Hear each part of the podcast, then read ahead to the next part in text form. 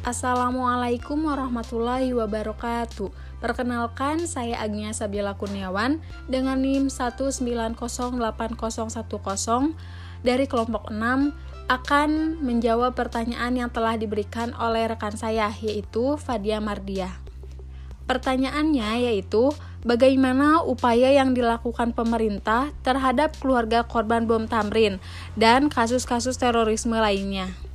Jadi, dalam kasus ini, pemerintah melakukan pembayaran kompensasi sebesar 39 miliar 205 juta rupiah secara langsung kepada 215 korban terorisme dan ahli waris dari korban yang telah meninggal dunia dan yang telah teridentifikasi dari 40 peristiwa terorisme masa lalu sebagai bentuk kepedulian dan tanggung jawab negara kepada korban.